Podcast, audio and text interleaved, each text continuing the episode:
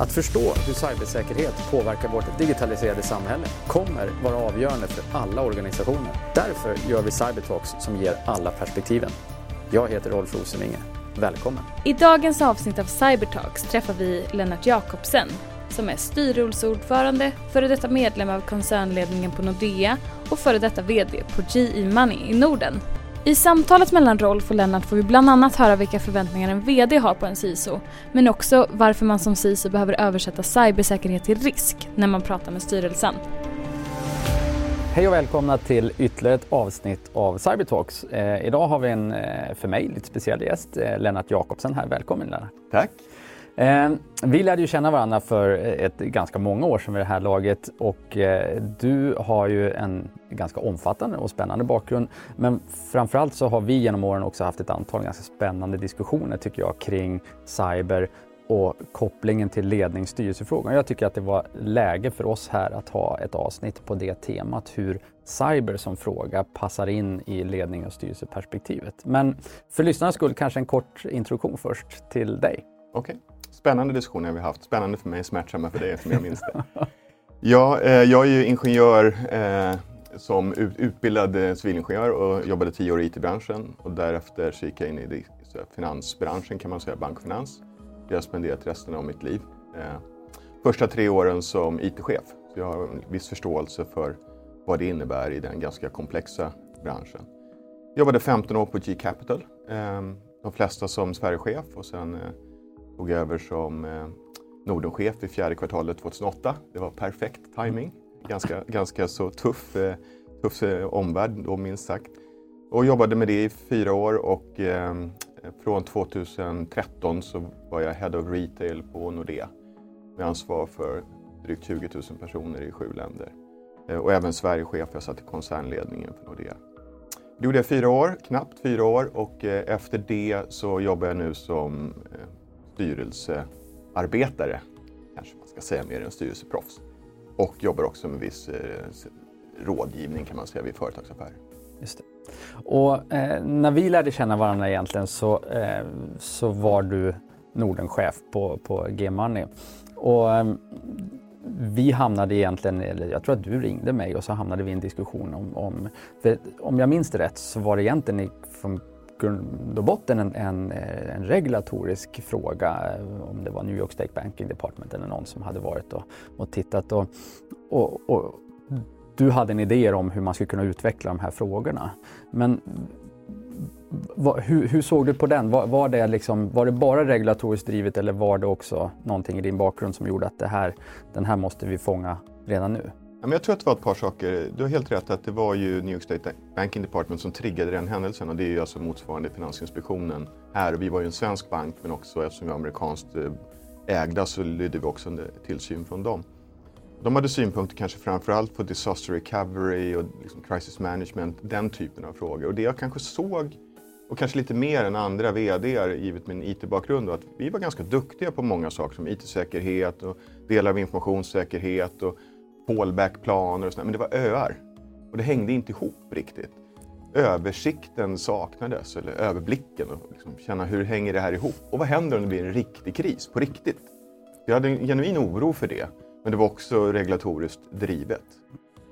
Nej, men, och det som ju sen hände egentligen eh, var att vi började jobba ihop. Jag började jobba för dig och det som jag, en, det, det, är en sån här liten story som jag har haft med mig. För en av de första, eller det allra första ska jag säga, eh, som, som hände när jag kom till det nya jobbet var att det stod en, en, eh, fin bukett blommor på mitt rum eh, med ett litet kort från Lennart och jag tyckte att det här, det kändes bra. Nu, har jag, jag, nu är jag säker på att jag har valt rätt, få blommor av, av, av chefen här. Eh, men sen kom du in och så knackade du på och så sa du att eh, Gillar du blommorna? Jo, så det, det, de var ju fina. Och så sa du att ja, men om, eh, när de där har vissnat, då vill jag ha planen. Kommer du ihåg det? Ja. Mm. Och jag gick och vattnade dem där. Du är både gett en kaktus så du fått lite mer tid. Men i alla fall, eh, sen det som spelas upp egentligen då när de där stackars blommorna hade, hade vissnat var ju att vi faktiskt satte oss. Ehm, och och ritade och jag hade, jag hade med mig en plan men du tog dig också tiden att sitta. Och, för du hade precis den där, eh, jag minns det så väl, du hade precis den där utblicken att vi har ett antal öar och uppdraget till mig var ju egentligen att hur knyter vi ihop det? Och så hade vi eh, de här diskussionerna om och så att säga, från ditt perspektiv och mitt perspektiv och så byggde vi egentligen planen tillsammans. Det stämmer och jag, jag, jag tror också att eh, det som var viktigt för mig det var igen att knyta ihop de här olika öarna. Och det var det ena och det andra var ju att, att, det här måste liksom bli på riktigt. Många av dem, en sak man gör är ju liksom att skydda sig. Om man tittar på den här säkerhetsfrågorna generellt så brukar jag alltid tänka på dem som liksom protection, detection och action eller reaction i slutändan. De flesta är ganska bra på protection men liksom inte på de andra två tycker jag. Det faktiskt gäller fortfarande även om det har blivit bättre. Men framförallt handlar det om att när en kris händer på ett eller annat sätt, stor eller liten, så är det extremt sällan man tar fram en mall och så följer man den. Men det finns andra saker som man behöver hjälp med då så att man inte springer omkring i cirklar. Och, och det saknade vi. Så att, det liksom att ta de här frågorna från regulatoriska krav som man ska möta för att få vara i branschen till någonting som faktiskt hjälper en. Först att se till att saker inte händer, men om någonting händer, kunna agera på riktigt och bättre än man annars skulle kunna gjort. Mm.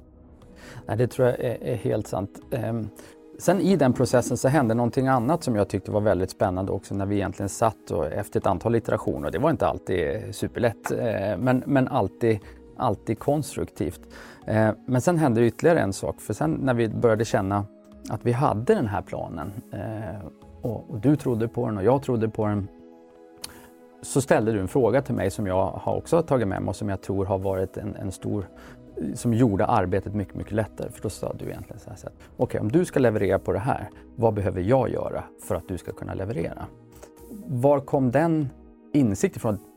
För på ett sätt när man pratar om det så här så låter det ju ganska självklart, men det är ändå ganska sällan det faktiskt inträffar. Men, så jag tänker att det här har antingen med personlighet eller erfarenheter och insikter att göra. Nej, men jag tror att det är ett par saker. Det ena är väl liksom tillbaks till vilken ledarskapsstil man har. Jag, jag tänker väl kanske lite fräckt ofta att det är svårt att hålla folk ansvariga om man inte samtidigt ger dem mandat och den går ju både uppåt och neråt. Så om jag faktiskt har ställt frågan till dig, vad är det du behöver? Både för resurser och mandat eh, och vad behöver du för hjälp av mig? Och du eh, sen väljer att svara på det och du får det så är det svårt för dig att komma undan. Mm. Så, så det är också att sätta press faktiskt.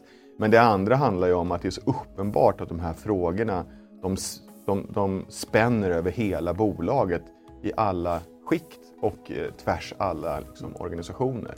Och, och, det är ju svårt. Det är alltid de svåra frågorna i bolag. Sånt som går utöver den normala organisatoriska strukturen där man har normala kopplingar till sin chef och mandat finns och sådär. Men kommer någon från sidan och ska påverka, det är svårt.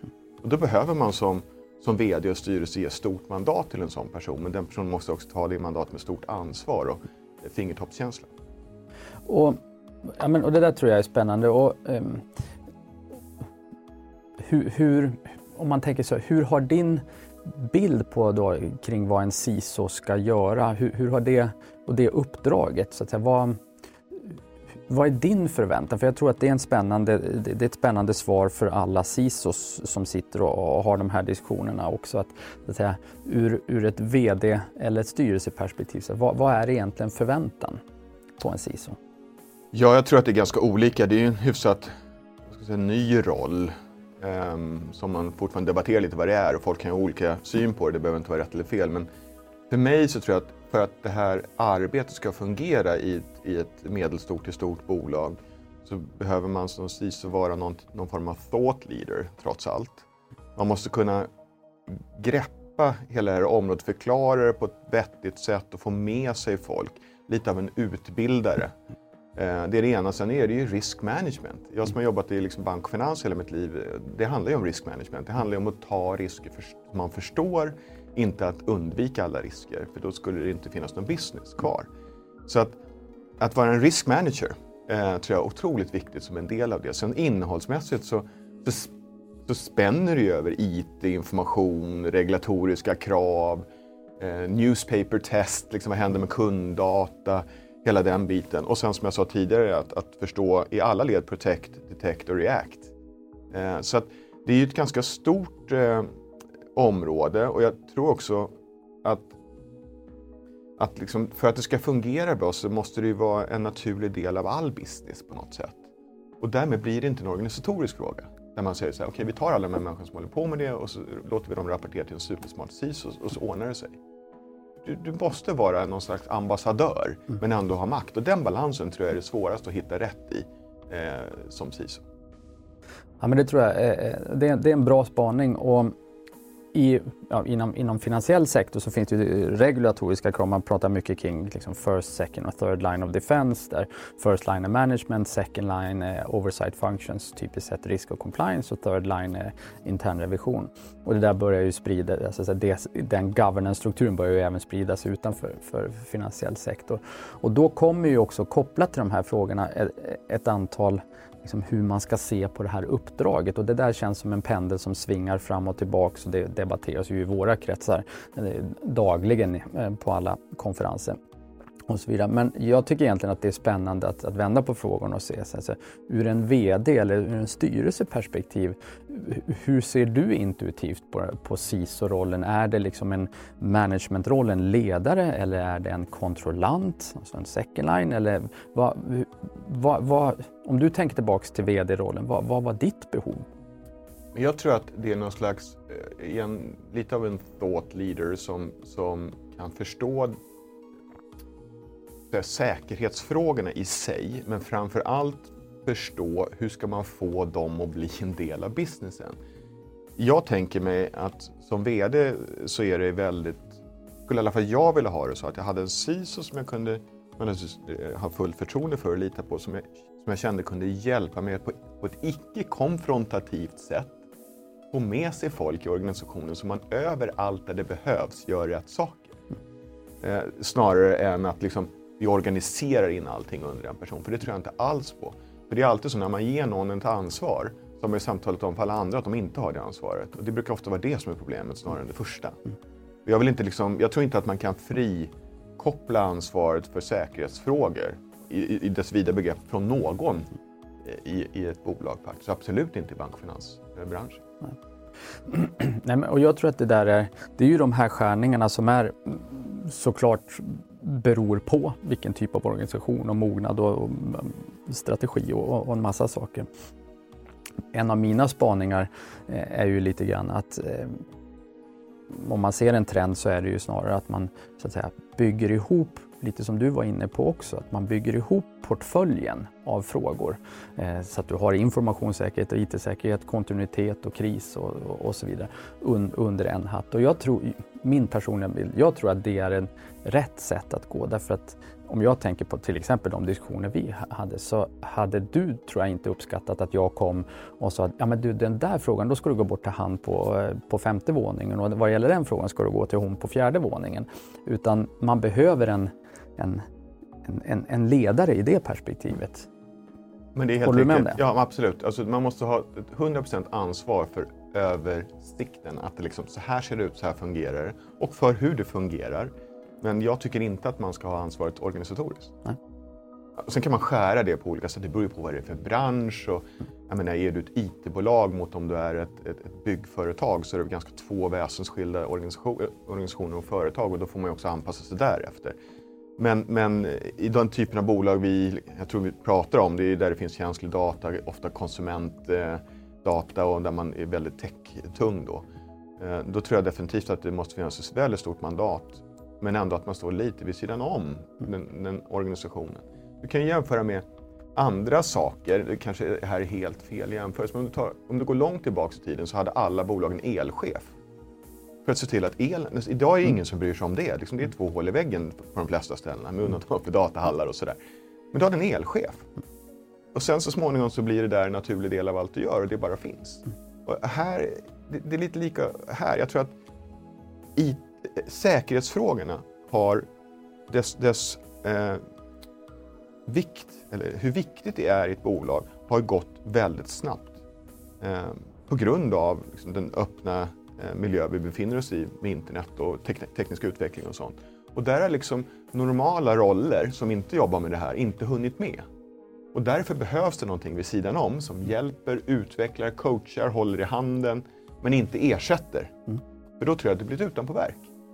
Så det handlar om att liksom hjälpa en organisation, egentligen bygga bort behovet av en själv över tid. Mm. Se till att bolaget klarar sig och att alla de här delarna finns eh, där, där de där de behövs. För Många gånger så tänker man ju CISO som ren informationssäkerhet och IT-säkerhet egentligen. Det är liksom det som folk tänker by default.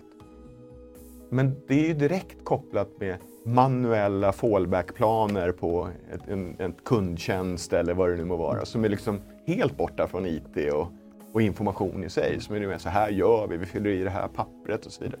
Så det blir, på alla sätt så blir det spritt över alla delar av en organisation. Det finns ju ingen organisation idag, eh, ingen avdelning i någon organisation egentligen som inte har ett IT-behov varje dag. Så även om det inte är en del av produktionen så är det en del av stödet.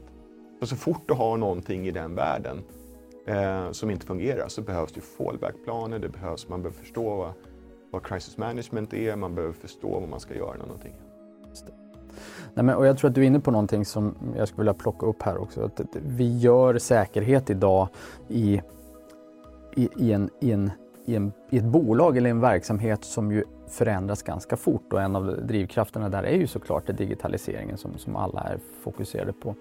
Ehm, Estland har ju av många skäl blivit tvungna att bli ganska duktiga på cybersäkerhet. Eh, bland annat för att de ju har varit lite training ground för, för, ehm, eh, för en del ryska aktiviteter varav en del har varit rätt publika och, och drivit en utveckling där. Ehm, en av de sakerna som kommer ut därifrån är bland annat att man har ehm, ett, gjort ett, ett, index där man har tittat på egentligen i stort sett all världens länder där man tittar på digital mognad och sen tittar man på cybersäkerhetsmognad på landet. Um, och, och, där är ju så att säga, den konceptuella tanken såklart att eh, lika snabbt som man utvecklar sin digitala förmåga som land, lika snabbt behöver man utveckla den, den eh, så att säga, säkerhetsförmågan. Vilket ju är svårt visar det sig. Um, några av de länder som har störst delta Eh, givetvis bland annat drivet av att vi är så digitalt mogna är ju de nordiska länderna där Sverige är eh, av de nordiska länderna faktiskt också allra sämst. Vi har störst delta mellan digital mognad och cybersäkerhetsförmåga. Eh, vad, tror du, vad tror du det beror på?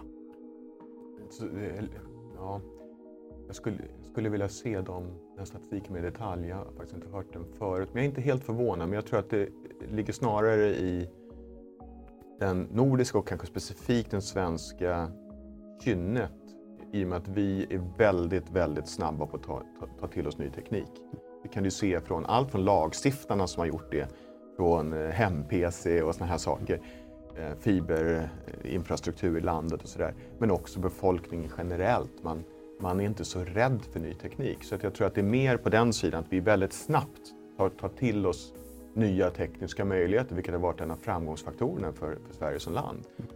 Och då blir det ju precis som du sa, att det, det, det tar lite tid och det är svårt att hinna med med liksom säkerhetsarbetet bakom det. Då tror jag gapet blir större på grund av det snarare än att man ignorerar eh, säkerhetsfrågorna. Å andra sidan så tror jag att vi också är ju lite naiva, faktiskt. Eh, och det kan, ju, det, det, kan man ju vara. Det är inte säkert det är dåligt, men jag tror bara relativt andra så är vi lite mindre rädda. Mm. Och vi tror inte att sakerna ska hända oss på samma sätt som kanske i USA. Nej, och jag tror att det där är en bra spaning och det, det är också dit någonstans jag ville komma för att eh, för när man då ser, om man tittar där borta vad, vad som har hänt sedan ett antal år tillbaka, det som jag tycker är lite intressant, att man gör ju en liten annan så att säga, analys av vad hotet faktiskt är. Man, jag tror att JP Morgan lägger, lägger någonstans 600 miljoner dollar årligen på cyber och, och lyssnar man på Jamie Dimon som koncernchefen är så säger han fortfarande att det är deras största risk. Ehm, den retoriken hör man ju sällan i Sverige och Norden. Nej, men jag tror det hänger också ihop med skillnaden i lagstiftning på andra områden. För att det är klart att när man jobbar med risk dagligen som jag gör så är det ju för det första är risken att något sker, ehm, så liksom probability och sen är det ju vad som händer när det där har skett. Och den där andra delen Eh, är mycket värre i vissa länder där du kan då bli stämd eller du blir av med licenser för saker som är lite enklare. Också där marknaden är större, du har mer kunddata och så vidare. Så jag tror att det finns en del i, i liksom den andra delen av risk management som skiljer sig mellan länderna och därför gör det rimligt att, det är, att man behandlar det olika helt enkelt. Och men oavsett om vi någonsin kommer så att säga, hela vägen dit till den typen av spännivåer så tror jag att eh, när jag tittar ut Sverige-Norden så, så, tror jag att i stort sett i alla fall alla jag träffar och jobbar med eh, ökar ju sin spänn just nu. Att vi är i den, på den kurvan också. Att eh, bolagen lägger helt enkelt mer pengar för att någonstans man kanske har känt det här deltat vi pratade om tidigare. Man vill börja stänga det lite grann eller åtminstone inte se till att det inte växer. Det innebär ju att CISORnas budget överlag ökar Eh, men det innebär också många gånger att på, dels på grund av att de ökar men också på grund av vikten kring frågan så eleveras SISON organisatoriskt och många börjar nu rapportera någonstans koncernledning minus en eh, och så vidare.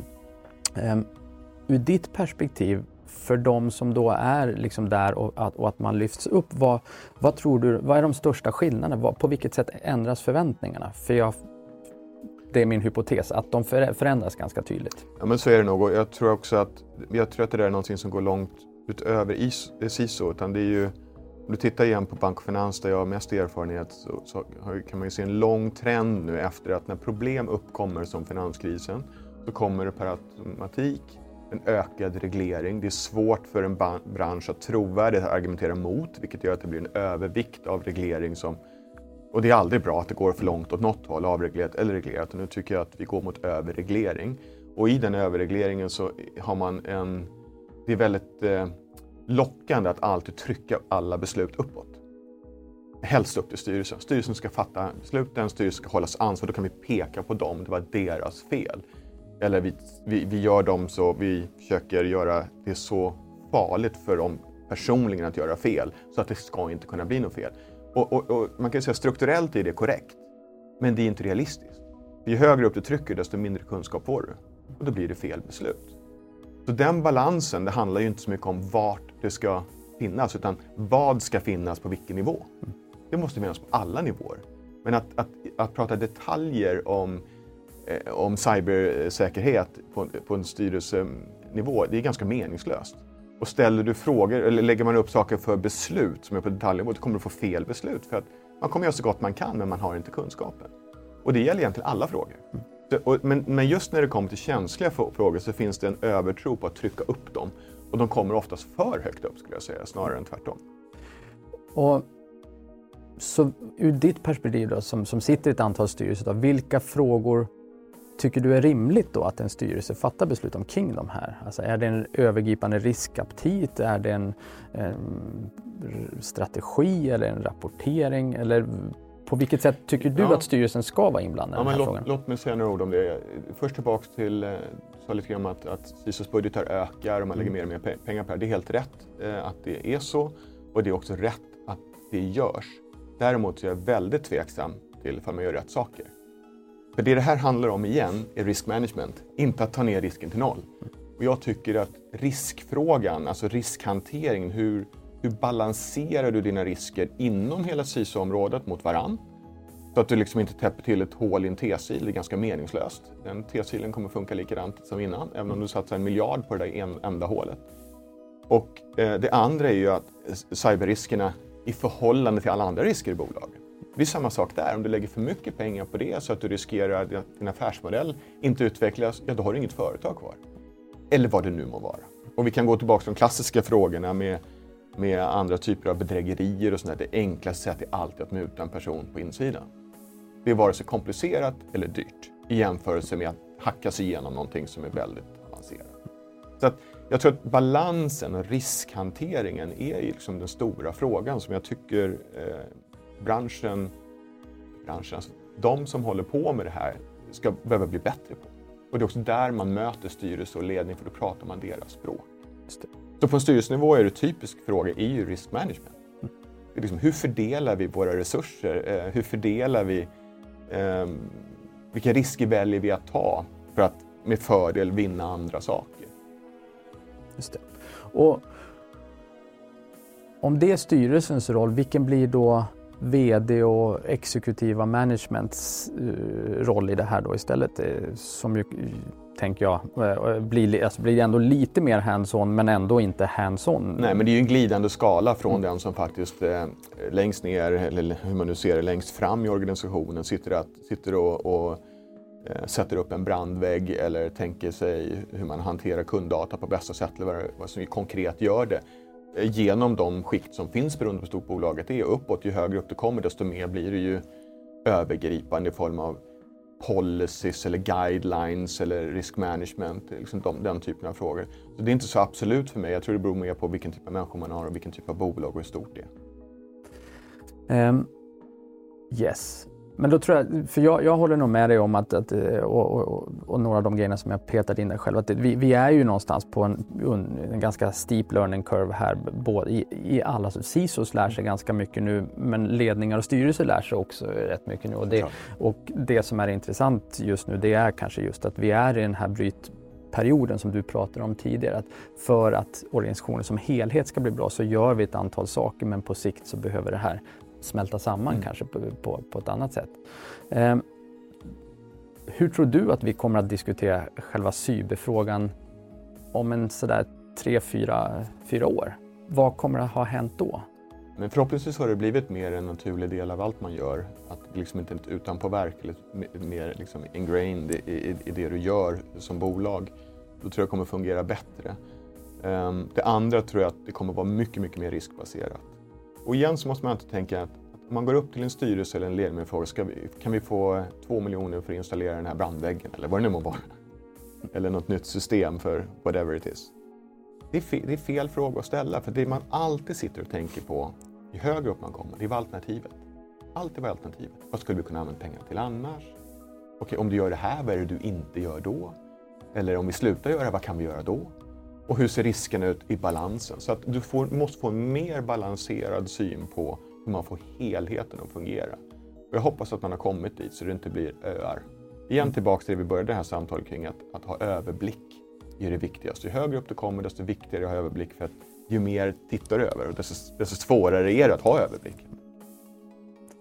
Men, och det är väl en jättebra sätt att någonstans börja knyta ihop säcken också. Att att den förväntan som du egentligen artikulerade redan i vårt samtal, det, det, är ju egentligen, eh, och det är det som jag tycker är intressant, att det är egentligen den som eh, det var nog ganska insiktsfullt för det är den någonstans vi landar i. Att det är kanske det som egentligen är förväntan på SISON, att kunna famna hela området och sätta det i den här kontexten. Men eh, om vi då eh, så att säga, börjar tänka att vi ska, vi ska avrunda det här så brukar vi också alltid passa på och ställa lite olika frågor. Och en, en av de frågorna som jag brukar ställa är också så här, om, om man vill eh, intressera sig mer för ämnet eller man, jag brukar alltid fråga gästerna, har, har, du, har du läst någonting spännande? Har du sett någonting spännande som har fått dig att på ett annat sätt tänka kring den här frågan eller som du tror att andra skulle kunna ha nytta av?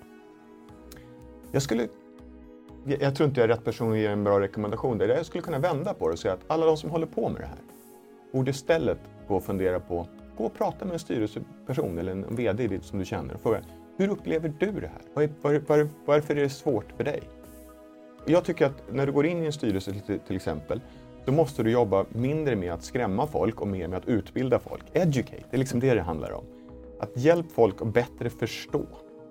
Och det är klart att ska du göra det så måste du känna din publik. Så jag tror att eh, mycket av de här frågorna är inte så tekniska. Det handlar mer om att knyta ihop olika världar och olika, att man har olika perspektiv på saker och ting. Så egentligen för alla som är på ett eller annat sätt inblandade i det här så skulle mitt råd vara liksom att försöka sträck, sträcka ut en hand till dem som är på andra sidan bordet oavsett var du mm. kommer ifrån och försök förstå dem bättre.